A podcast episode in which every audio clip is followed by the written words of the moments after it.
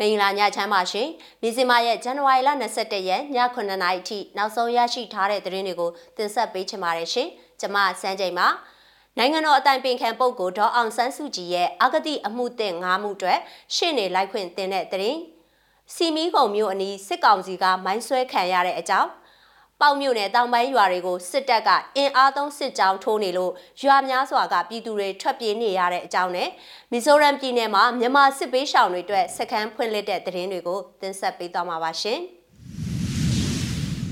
ပထမဆုံးတင်ဆက်ပေးချင်တဲ့သတင်းကတော့နိုင်ငံတော်အတိုင်ပင်ခံပုဂ္ဂိုလ်ဒေါ်အောင်ဆန်းစုကြည်ကိုစစ်ကောင်စီကနောက်တိုးဆွဲဆိုထားတဲ့အဂတိအမှုတင်၅မှုအတွက်သူ့ရဲ့အကျိုးဆောင်ရှေ့နေတွေကနေပြည်တော်ကအထူးတရားရုံးမှာဒီကနေ့ရှေ့နေလိုက်ခွင့်ပါဝါတင်ခဲ့တယ်လို့တရားရုံးနဲ့နှိဆက်သူတွေကပြောပါတယ်။အဲ့ဒီအမှု၅မှုဟာဒေါ်အောင်ဆန်းစုကြည်အပြင်တမရဦးဝင်းမြင့်ကိုပါပူးတွဲဆွဲဆိုထားတဲ့အမှုတွေဖြစ်ပါတယ်။ အမှု၅မှုထဲကနှစ်မှုကတော့ NLD အစိုးရလက်ထက်တဘာဝဘေးအန္တရာယ်ကာကွယ်ရေးလုပ်ငန်းတွေဆောင်ရွက်ဖို့အမျိုးသားတဘာဝဘေးအန္တရာယ်ဆိုင်ရာစီမံခန့်ခွဲမှုရန်ပုံငွေကနေရဟတ်ရင်အသစ်တစည်းဝယ်ယူတဲ့ကိစ္စတွေနဲ့ပတ်သက်တဲ့အမှုတွေဖြစ်ပါတယ်။ကြံသုံးမှုကတော့တဘာဝဘေးအန္တရာယ်ကာကွယ်ရေးလုပ်ငန်းတွေဆောင်ရွက်ဖို့အမျိုးသားတဘာဝဘေးအန္တရာယ်ဆိုင်ရာစီမံခန့်ခွဲမှုရန်ပုံငွေကနေရဟတ်ရင်ငှားရမ်းအသုံးပြုတာနဲ့သက်ဆိုင်တယ်လို့တရားရုံးနဲ့နှိဆက်သူတွေကပြောကြောင်း RFE ရဲ့သတင်းတရက်မှာဖော်ပြထားပါတယ်။ ဒီနေ့ရုံချင်းမှာပဲဒေါ်အောင်ဆန်းစုကြည်ကိုအရင်ဆွဲဆိုထားတဲ့အဂတိ၅မှုထဲက၄မှုအတွက်တရလိုပြတက်တဲ့တယောက်ကိုစစ်ဆေးဖို့ရှိနေပေမဲ့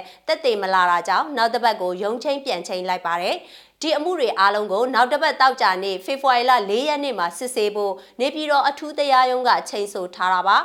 အတိုင်ပင်ခံပုဂ္ဂိုလ်ဒေါအောင်ဆန်းစုကြည်ဟာစစ်တပ်ကအာဏာသိမ်းပြီးနောက်နှစ်ရှည်ထောင်ဒဏ်တွေချမှတ်ခံနိုင်ရတဲ့အစိုးရလျှို့ဝှက်ချက်များဥပဒေပုံမှန်3တစ်ကငယ်အာဂတိလိုက်စားမှုတိုက်ဖြတ်ရေးဥပဒေပုံမှန်55အပါအဝင်စုစုပေါင်းအမှု16ခုနဲ့တရားစွဲဆိုခံထားရတာပါအဲ့ဒီ16မှုတဲကအမှု9မှုတွေထောင်ဒဏ်6နှစ်ချမှတ်ခံထားရပါတယ်ဒါအပြင်နောက်ထပ်လဲရွေးကောက်ပွဲမဲမတမာမှုနဲ့ပတ်သက်ပြီးစစ်ကောင်စီကထပ်မံတရားစွဲဆိုဖို့စီစဉ်နေပါတယ်။ ဒီအမှုအလုံးအတွက်ဥပဒေမှာပြဋ္ဌာန်းထားတဲ့အမြင့်ဆုံးပြစ်ဒဏ်တွေကိုချမှတ်ခဲ့မယ်ဆိုရင်ဒေါ်အောင်ဆန်းစုကြည်အနေနဲ့စုစုပေါင်းထောင်နဲ့260ကျော်အထိကြာခံရဖို့ရှိနေတယ်လို့တရားရုံးနဲ့နှိဆက်သူတွေနဲ့ရှေ့နေတွေကပြောပါတယ်ရှင်။ စီမီခုံမြို့ကနေမြင်းချမြို့ကိုထွက်လာတဲ့စစ်ကောင်စီကားကိုမနေ့ကဇန်နဝါရီလ20ရက်မနက်10:00နာရီခန့်မှာစီမီခုံမြို့တောင်ဘက်ကတောရွာအနီးမှာမိုင်းဆွဲတိုက်ခိုက်ခဲ့ကြောင်းမြောင်မြို့နယ် TGR ပြည်သူ့ကာကွယ်ရေးတပ်ဖွဲ့တာဝန်ရှိသူတအုပ်ကပြောပါရယ်စီမီခုံကနေမြင်းချံဘက်ကိုသွားနေတာကားတစ်စီးပဲကားပေါ်မှာစစ်ကောင်စီတပ်နဲ့ဒလန်ပါတယ်လို့သတင်းကြိုရလို့စောင့်ပြီးမိုင်းဆွဲခဲ့တာလို့သူကပြောပါရယ်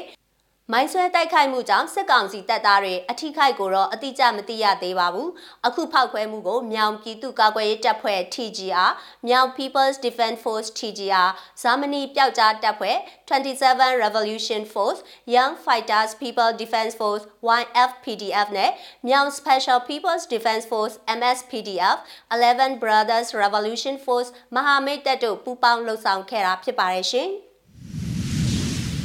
မကွေးတိုင်းပေါက်မြို့နယ်တောင်ပိုင်းကိုအကြမ်းဖက်စစ်တပ်ကအင်အားသုံးစစ်ကြောင်းထိုးနေလို့ကြေးရွာများစွာကပြည်သူတွေထွက်ပြေးနေရကြောင်းဒေသခံတွေစီကသိရပါဗျ။ပေါက်မြို့နယ်တောင်ပိုင်းကြေးရွာတွေဖြစ်တဲ့ရေကျော်၊ကျွန်းပင်၊ကျွန်းကြီး၊နန့်တာ၊ထန်းတော်ဦး၊အင်းတော်၊ဒုတ်စု၊ဝက်မီ၊ညောင်ဝွန်၊ပြင်းချောင်းနဲ့စူးလေကုံရွာတွေကဒေသခံတွေထွက်ပြေးသိမ်းရှောင်နေရတယ်လို့ဆိုပါတယ်။ ခံမန်းအင်အား200ခန့်ရှိတဲ့စစ်ကောင်စီတပ်ဟာမြိုင်မြို့ကနေပေါက်မြို့နယ်တောင်ပိုင်းရွာတွေကိုစစ်ကား73စီးနဲ့ဇန်နဝါရီလ18ရက်နေ့ကစတင်ပြီးတော့စစ်ကြောင်းထိုးဝင်ရောက်လာခဲ့တာဖြစ်ပြီးဒီနေ့မှာရှားပင်ရီရွာကိုရောက်ရှိနေတယ်လို့ဒေသခံတအုပ်ကပြောပါရယ်စစ်ကြောင်းဖြတ်တန်းရတလျှောက်ရွာတွေမှာစစ်ကောင်စီတပ်သားတွေကအိမ်တွေကိုဖောက်ထွင်းပြီးတော့ပစ္စည်းတွေယူဆောင်ခြင်းတွေရှိပြီးဒေသခံတချို့ကိုလည်းဖမ်းဆီးထားတယ်လို့သတင်းရင်းမြစ်ကပြောပါရယ်။ အဆိုပါဖမ်းဆီးခံရတဲ့ဒေတာခန်အရေးအတွက်ကိုတော့မြင်းစင်းမကအတိအကျအတိပြုနိုင်ခြင်းမရှိသေးပါဘူးလက်ရှိထွက်ပြေးနေရတဲ့ဒေတာခန်စစ်ပေးရှောင်တွေမှာတက်ကြီးရွယ်အိုနဲ့ကလေးတွေလည်းပါဝင်ပြီးတော့အစားအသောက်နဲ့ဆေးဝါးအကူအညီတွေလိုအပ်နေတယ်လို့ဆိုပါရရှင်။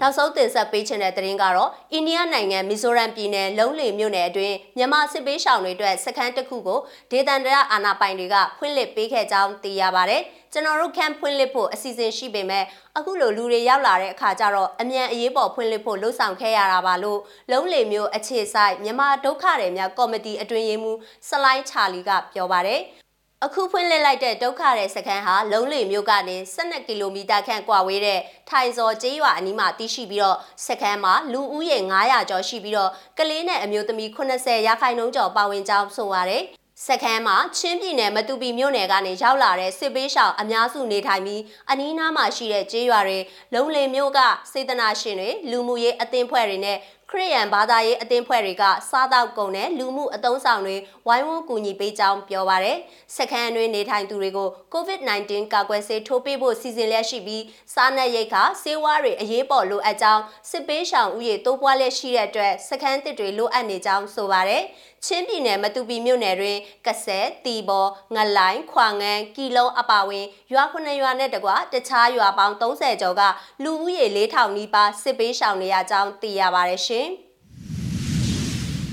မြင်းစမရဲ့ဇန်နဝါရီလ22ရက်ည9:00နာရီထိနောက်ဆုံးရရှိထားတဲ့သတင်းတွေကိုတင်ဆက်ပေးခဲ့တာပါကြည့်ရှုအားပေးတဲ့အတွက်ကျေးဇူးအထူးတင်ရှိပါတယ်မြန်မာပြည်သူတွေဘေးရန်နဲ့ပေါင်းကကင်းဝေးကြပါစေရှင်။